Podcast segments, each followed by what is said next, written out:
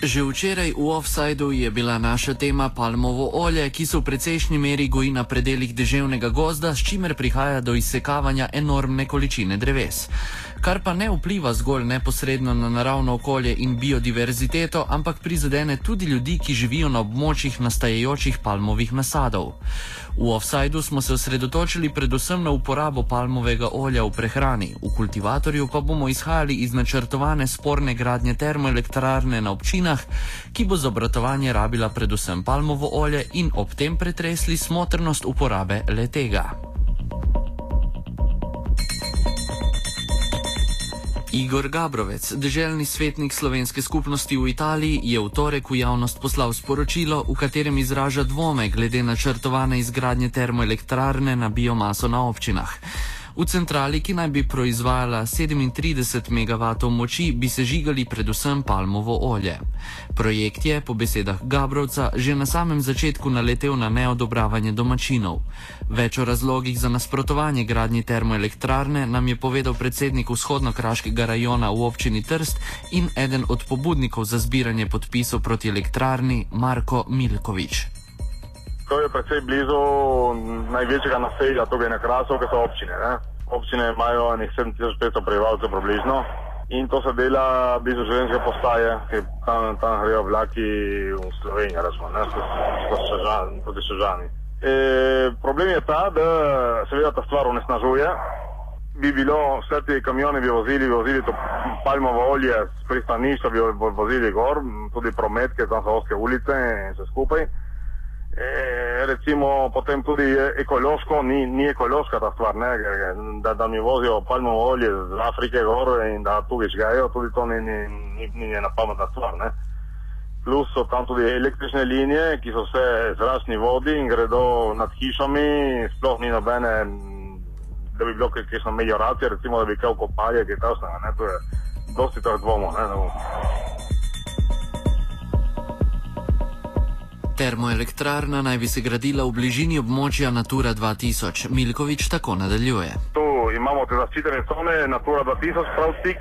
Našim kmetom ne postijo niti izvolatene nive in zdaj delaš na ta termoelektrarno, ki bi menjala mikroklimo tam, ker je res zažgat 60 ton no, palmega olja na leto, je, je, je nekaj toplot, ki gre, ki gre v atmosfero. Ne?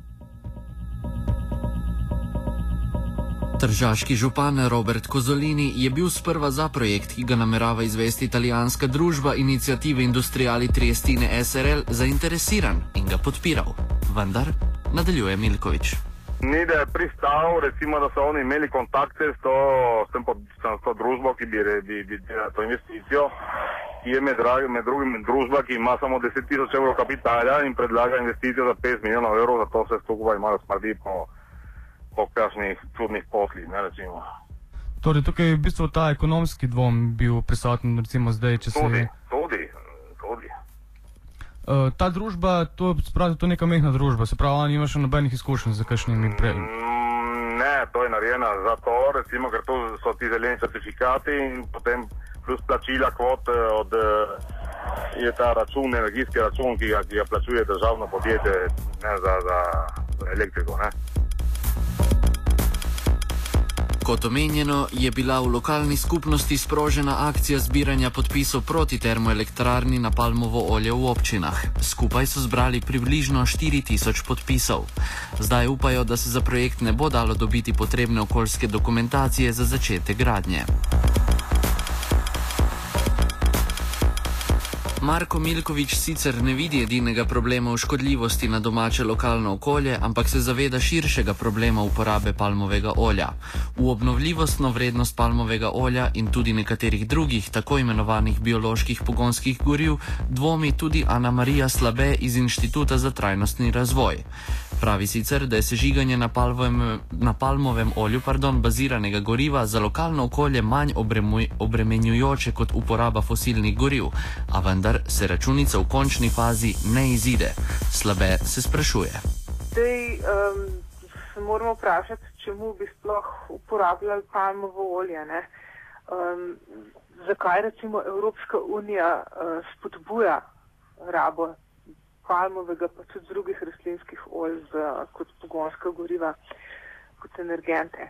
Uh, osnovni namen je to, da bi radi na ta način zmanjšali uh, izpuste toplogrednih plinov ne? uh, in uh, to naj bi dosegli pod tem, da zamenjamo uh, nafto z uh, rastlinskimi olji.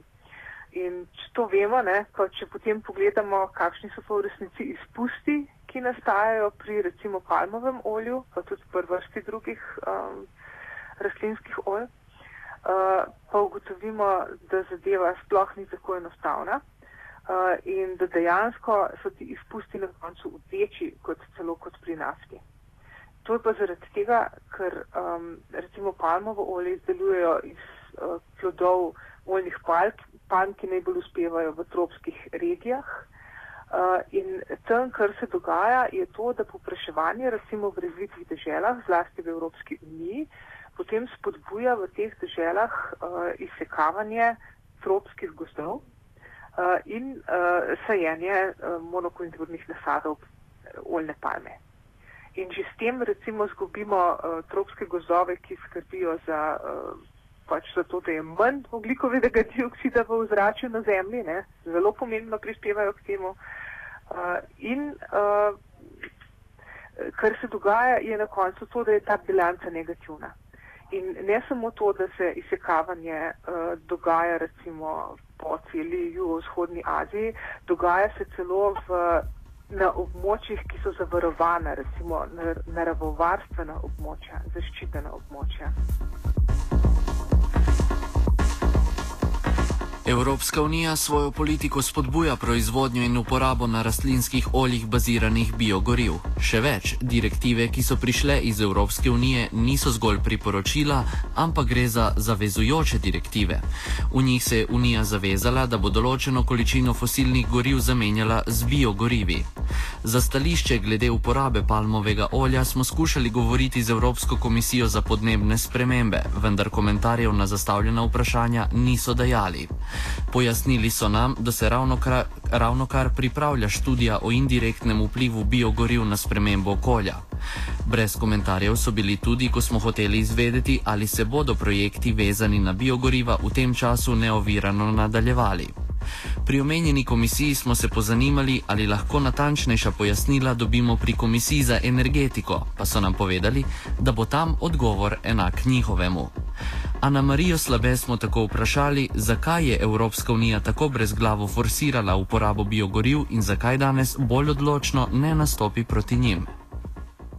Zaradi tega, ker takrat to še ni bilo zadosti raziskano, po eni strani, po drugi strani, ker so bila preslišana opozorila uh, pač teh uh, strokovnjakov, ki so upozarjali na te zadeve, o čemer sem jaz danes govorila, in potem. Ko, je, ko je bilo zmeraj bolj jasno, da je to tako in ko je bilo zmeraj več kritik, je pa zelo težko obrniti ta voz nazaj, zaradi tega, ker je takrat bilo že ogromno investicij, recimo v nasade biogoriv po celem svetu uh, upravljenih ne, in potem je vse to, vse te družbe uh, in evropske in mednarodne um, pač močno lobirajo, da se zadeve ne spreminjajo. Zaradi tega, ker je bilo že toliko investicij um, je šlo tja. In je zelo težko zdaj popravljati. Čeprav upozarjamo zelo močno, uh, nekaj sprememb se je zgodilo, se pravi, ampak to je veliko prepočasi. In...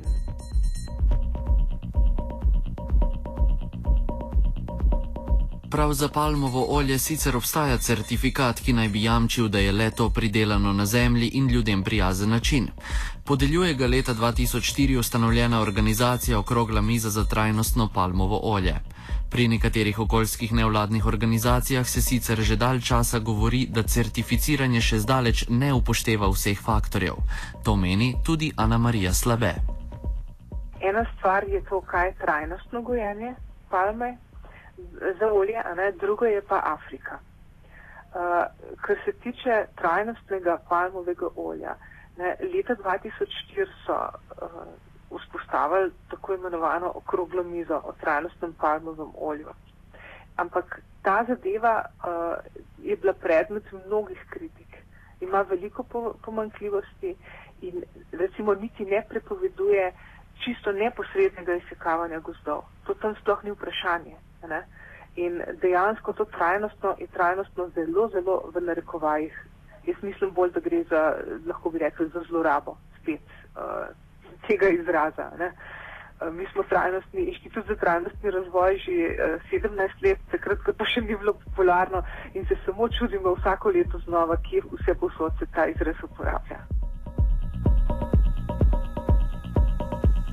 Pred kratkim pa je nastala še ena organizacija imenovana Okrogla miza za trajnostna biogoriva, sicer locirana v Švici, ki podeljuje to vrstne certifikate. Izvršni sekretar organizacije Sebastian Hay je povedal, kateri so kriteriji, ki jih morajo proizvajalci palmovega olja izpolnjevati, da se jim podeli certifikat. The RSB criteria uh, can apply to any sort of biofuels. And it applies to the entire supply chain. That means that it starts from the farm or the plantation uh, down to the to the tank where the, the biofuel is being stored. And so it applies to uh, any sort of uh, bioethanol or biodiesel, including palm biodiesel. Um, so usually most of the uh, uh, environmental and social impacts happen uh, upstream in the supply chain. That means uh, at the plantation level. And uh, so with regards to this sustainability criteria, uh, we have 12 principles and they address uh, all environmental and social issues. Um, so, uh, for example, in terms of biodiversity, you don't have the right to convert primary forest or peatlands or any areas that has uh, biodiversity value or that provides ecosystem services. Uh, you also need to have uh, good practices in place in terms of soil and water management, for example. Uh, and in terms of social aspects, um, uh, producers uh, need to respect existing land rights. That means that if you want to acquire some land to set a farm or a plantation, um, you need to have a proper consultation of local communities and make sure that you are not violating any sort of uh, legal or customary land rights. And uh, if people accept to let you use their land, then they need to be fairly compensated. Um, other social aspects uh, include the need for your project to contribute to local development, and especially if your uh, project is operating in a, in a southern country. Um, we have a provision to evaluate and uh, improve local food security uh, in case this could be a, an issue. And also, um, we have provisions to respect human rights and, and workers' rights.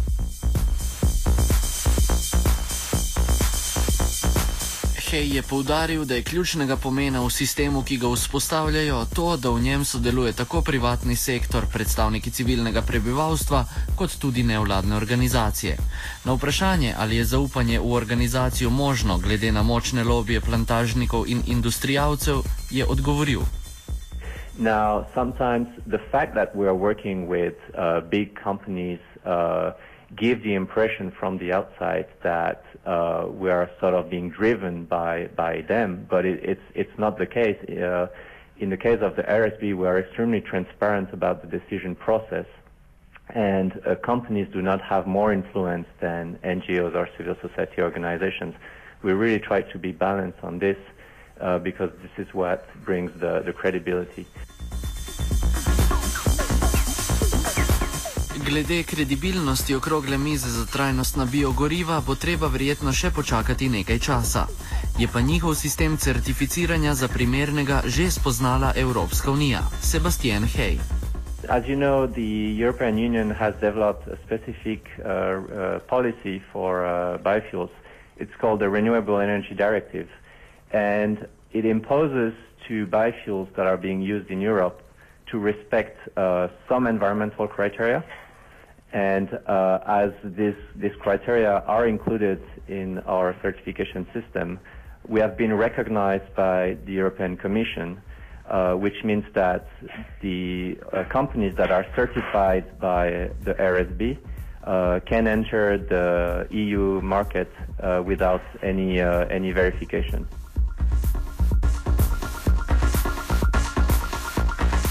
Zagovorniki obsežnega gojenja oljnih palm svoje trditve mnogokrat podkrepijo socialno-ekonomskimi dobrobitmi, ki naj bi ga to imelo za ljudi. Vendar je tudi ta aspekt zelo vprašljiv. Ana Marija Slabe. Ja, zanimivo je to recimo ravno v zvezi s palmovim oljem ne, v Afriki, v Liberiji, ne, ko je indonezijska firma pač se izvozila svojo pridelavo v, v uh, Liberijo, ne, se je tam zgodilo to, da um, recimo izsekavali so gozdove, ki so um, lokalnemu prebivalstvu zelo dragoceni. Ne, uh, in dogaja se tudi to, da recimo um, pri, zlasti pri tistih biogorivih, ki se uh, gojijo recimo ne kot palme, ne, pač recimo jatrofa ali soja ali uh, podobne zadeve, ne, da se, ker v Afriki v mnogih državah lastništvo ni urejeno, je pa obstaja pa pravica uporabe zemljišč, ki je zgodovinska. To pomeni, so nomadska plemena, so domorodna ljudstva, ki živijo v gozdovih in tam jasno nimajo zemljiške knjige in ni upisano, da to in to pleme pač uh, uporablja tisti gost. Uh,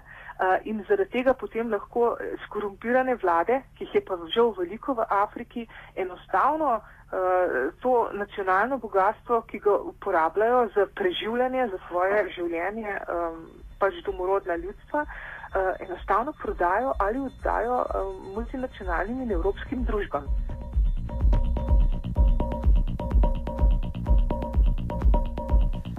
In za konec še glede tega, da so ljudje, ki živijo na področju novo nastalih plantaž oljnih palm, dobili nova, krasna delovna mesta ta delovna mesta jih je zelo malo in uh, ki so vezana na recimo tudi na palmovo olje. To je malo delovnih mest in to so tudi zelo, zelo slabo plačana delovna mesta. Tako da tukaj kakšne uh, večje recimo socioekonomske koristi v lokalnem okolju, uh, večje socioekonomske škode kot pa koristi v lokalnem okolju.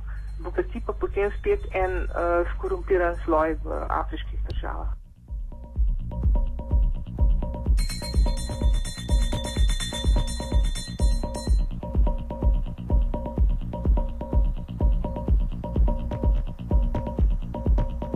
Kultivator je pripravil Gregor.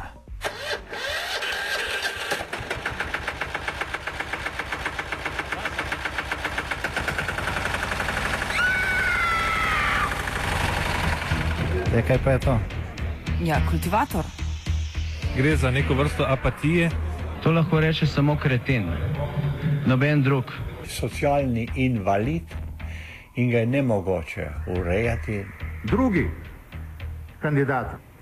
Pa, pa pije, kadi, masturbira, vse kako hoče lahko reči. Nihče tega ne ve.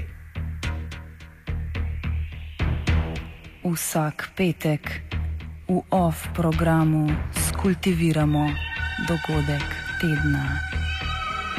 Lahko po kriterijih radio študent, težko pa po evropskih kriterijih. Ampak na drug način, kot vi to mislite. Kultivator vedno užge. Da pač nekdo sploh omenja probleme, ki so, in da pravzaprav sploh nekdo sproži dogajanje uh, v družbi. To drži, drži. Radio študent, frekvenca 89,3 FM stereo, miglior radio na cidade.